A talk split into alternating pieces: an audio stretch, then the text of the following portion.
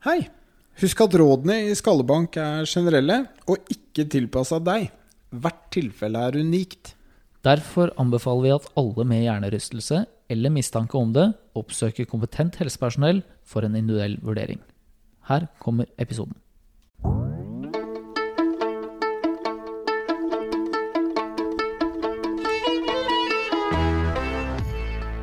Hei, og velkommen til eh, Skallebank. Podkasten om eh, hjernerystelse. Jeg heter eh, Narve Bjørneseth.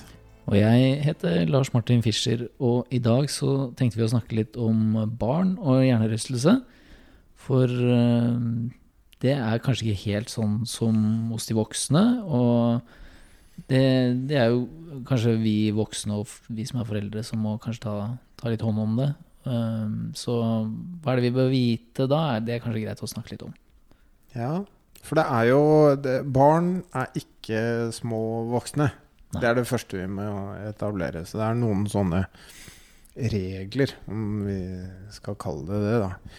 For det første, så hvis eh, Altså, barn løper jo på må, mange måter kanskje høyere risiko for å få hjernerystelse enn voksne, fordi de beveger seg veldig mye mer. Ja. Eh, hopper og spretter og gjør ting. Og det er jo kjempebra. Er, vi vil ha bevegelige barn.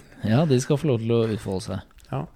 Men um, det det har en tendens til å gjøre, hvis et barn slår hodet, uh, så er det jo ikke alltid en voksen til stede. Og det kan jo være litt vanskelig i forhold til å etablere en diagnose, f.eks. Ja, og det er kanskje også vanskelig, i hvert fall for de minste barna, å uh, forklare eh, hvordan de har det på en konkret måte, sånn at man fanger det opp at det har vært en hjernerystelse. Ja, for det er jo forsket på at eh, barns evne til å si hva som er galt, eller hvordan et symptom oppleves, det er kanskje ikke like lett som for en voksen. Nei, og så er det jo dette vi har vært innom, at uh, det er litt, uh, litt utdaterte kunnskaper om hva en hjernerystelse er, også liksom blant de voksne, så hvordan skal de klare å fange det opp, da? Ja.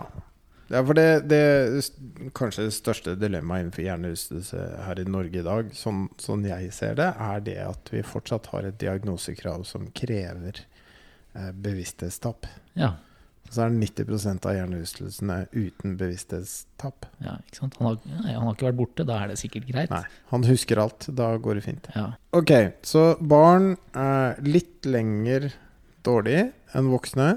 det tror vi i hvert fall, og det er jo det de fleste retningslinjene går på nå, er at forvent at det tar litt lengre tid, ha litt mer is i magen. Ja. Så i, hos en voksen så kan du, hvis alt går greit, og du er i fysisk aktivitet, eh, tar du med ro de første to dagene og følger symptombildet ditt og bygger stein på stein, så forventer man at du er symptomfri i løpet av ca. 14 dager. I snitt. i snitt. Men så er det jo det også at jo mer tall vi får, da, så øker jo den andelen med hvor mange som har langvarige plager også. Ja, det gjør det jo. Ja, så, så i, Før så opererte man kanskje 20% så 30 Nå er det noen som rapporterer opp mot 50 Ja. Men der med, med barn, så samme der. Voksne to uker. Barn. Som er aktive, opptil fire uker. Det er vanlig. Ja. Men de kan også begynne relativt fort med å bevege seg. Ja, det er ikke noe forskjell på barn og voksne. Og de har ofte gjerne en sterk trang til å ville bevege seg. Det er i hvert fall mange barn som er mer glad i å bevege seg enn voksne, har jeg inntrykk av. Ja. Jeg sleit veldig med å holde igjen min sønn når han fikk hjernerystelse. Så der endte vi opp med å si eh, bruk hjelm, da, i hvert fall. Ja, Som ikke beskytter mot hjernerystelse. Eh, nei, eh, men det ser bra ut på gata. ja, nei, eh, liv og lære. Mm. Men eh, altså, forvent at det tar litt, litt lengre tid, og, og det er jo også litt vanskelig å helt vite når en hjerne i utvikling er ferdig eh, med å håndtere den hjernerystelsen. Så der kan det kanskje lønne seg å legge inn noen ekstra dager eller en uke hvis man er usikker. Ja, Før man skal altså, tilbake til risikoidrett. Ja, og, og også det i forhold til retur til skole. Kanskje man kan godta at uh, lekser er litt vanskelig en periode, eller at det kanskje er litt kortere dager, eller at eh, poden klager over at de har vondt i hodet, og at det bør, eh, bør tas høyde for at de kanskje da tar det litt mer med ro Ja. den dagen. Så, men kanskje det, det som er greit å være klar over, er at her er det nok antageligvis underrapportering i forhold til antall tilfeller. Eh, Det viser i hvert fall tallene fra, fra statene. At, eh, jeg vet ikke om vi har noen tall på det i Norge, men eh, sannsynlig så er det nok en del som går under eh, radaren der. Ja, jeg sitter ikke på noe direkte tall i forhold til antall barn som får hjernerystelse. Vi har vel stort sett tall på de voksne, men eh, for, altså, vi vet jo bare hos voksne så er det masse underrapportering der òg. For å ta svimmelhet som et symptom, sånn generelt sett så er jo det dødsvanskelig å, å finne ut om et barn er svimmelt. Generelt sett. Eh, og da tenker jeg ikke bare ved hjernerystelse, men men det å, å få informasjon ut fra et barn Kanskje man ser at det er litt mer stille en dag, og så tenker man å ja, ja, nei, kanskje litt syk, eller hva som helst. Men det kan jo bety alt mellom Ja, det høres litt drøyt ut å si at det er, kan bety alt mellom himmel og jord. Men det er, det er, det er veldig vanskelig å plukke opp om det har skjedd noe med et barn, med mindre man har et direkte skadetidspunkt eller en høy feber eller noe som du relaterer til en sykdom eller traume. Da. Vi har jo eh, et, et verktøy, SCAT5, som kommer i en egen barneversjon. Og der er det spørsmål som du kan stille barnet, som de kan svare på. Er det noe et problem? Ofte, sjelden, aldri. Ja. Og der ligger det også egne spørsmål for eh, foreldre, som de skal svare på. Og så blir det på en måte satt sammen, da. Men dette gjelder jo da idrett. Dette er jo sideline Mm. concussion assessment tool. Og det er Mm. sjelden jeg går med en Scat 5 i baklomma hvis eh, min sønn eller datter er ute i gata og leker. Det er klart. Hva gjør vi da? Men uh, hvis du i etterkant tenker at ok, her kan det ha skjedd noe, så kan du i hvert fall finne en huskeliste der på ting du kan gå gjennom da, for å se og være litt bevisst er, er barnet mitt annerledes enn det pleier å være. Ja. Det fins faktisk en online versjon av Scat 5 nå, som eh, er gratis å bruke, som heter scat.ai. Kan du sjekke ut. Det er Ja. en dansk greie. Den er veldig kul. Du kan vi jo legge ut link på. Okay? Ja, det Ja. kan vi gjøre. Ja. Mhm. Ja. All right. Eller så er det Altså, det er mye vi ikke vet, eh, men de mekanismene som gjelder for voksne, gjelder jo også litt for barn, virker det som. At eh, jo høyere symptomscore de har i etterkant, jo større er risikoen for å ha langvarige plager. Eh, og så er det, det det de definerer som engstelse før skadetidspunkt, altså barn som er engstelige, de har også litt økt risiko for å ha langvarige plager. Det var visst akkurat som voksne, Ja, Rart. Så hvis du Og nå begynner man jo å se det innenfor helse generelt også. At er du en kanskje en litt mer engstelig type, så ser vi som regel at de fleste ting tar litt lengre tid. Det er i hvert fall det forskningen begynner å konkludere med så smått. Men eh, det er jo også de samme mekanismene som vi spiller på når vi skal få barn tilbake, da.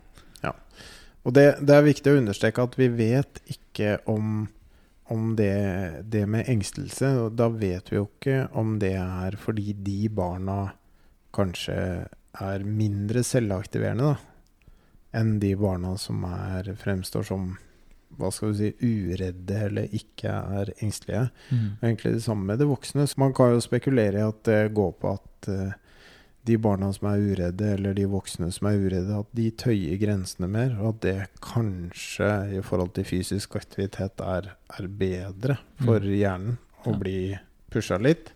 Mens de i den andre enden av skalaen, at de i anførselstegn kanskje ikke tør.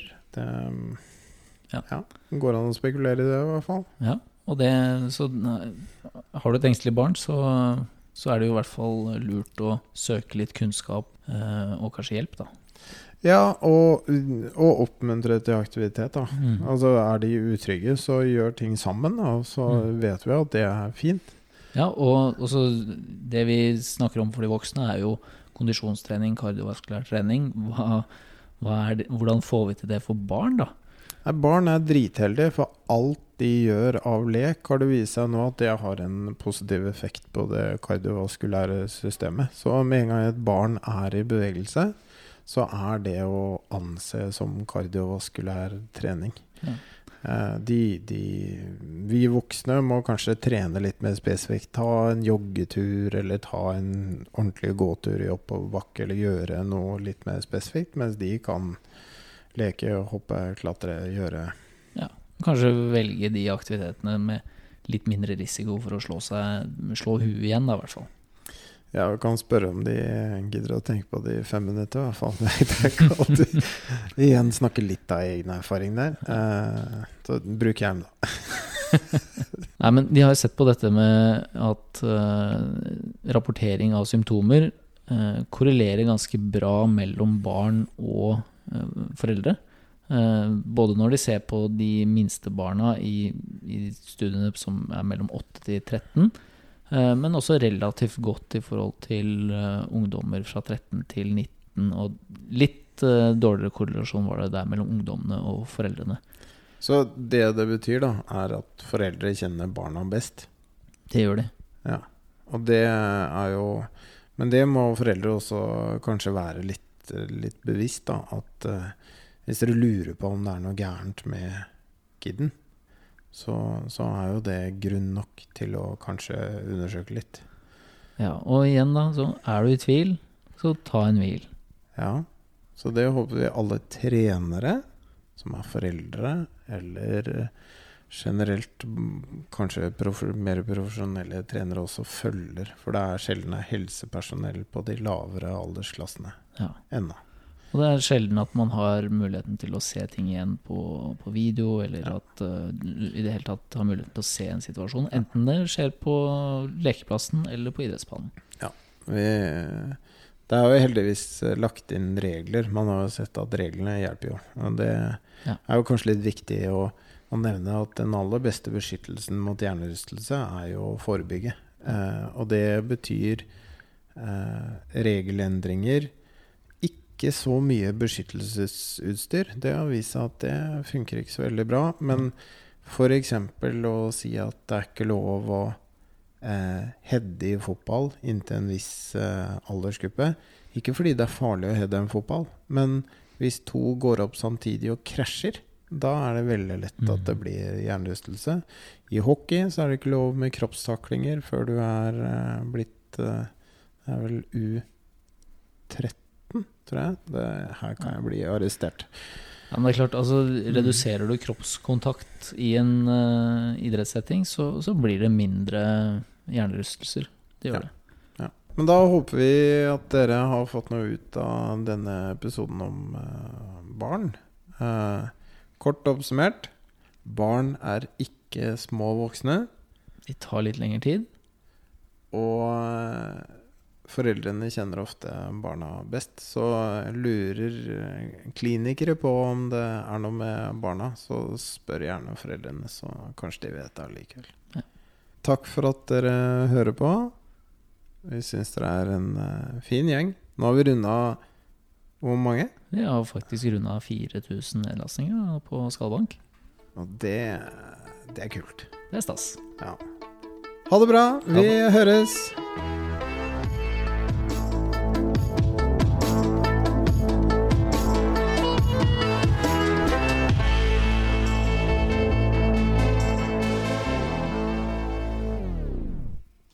Hei, Lars Martin fra Skallbank her. Har du ris, ros, tilbakemeldinger, spørsmål, send oss gjerne en mail på skallebankpod at gmail.com. Du finner oss også på sosiale medier. Skallebank hjernerystelse på Facebook og Instagram.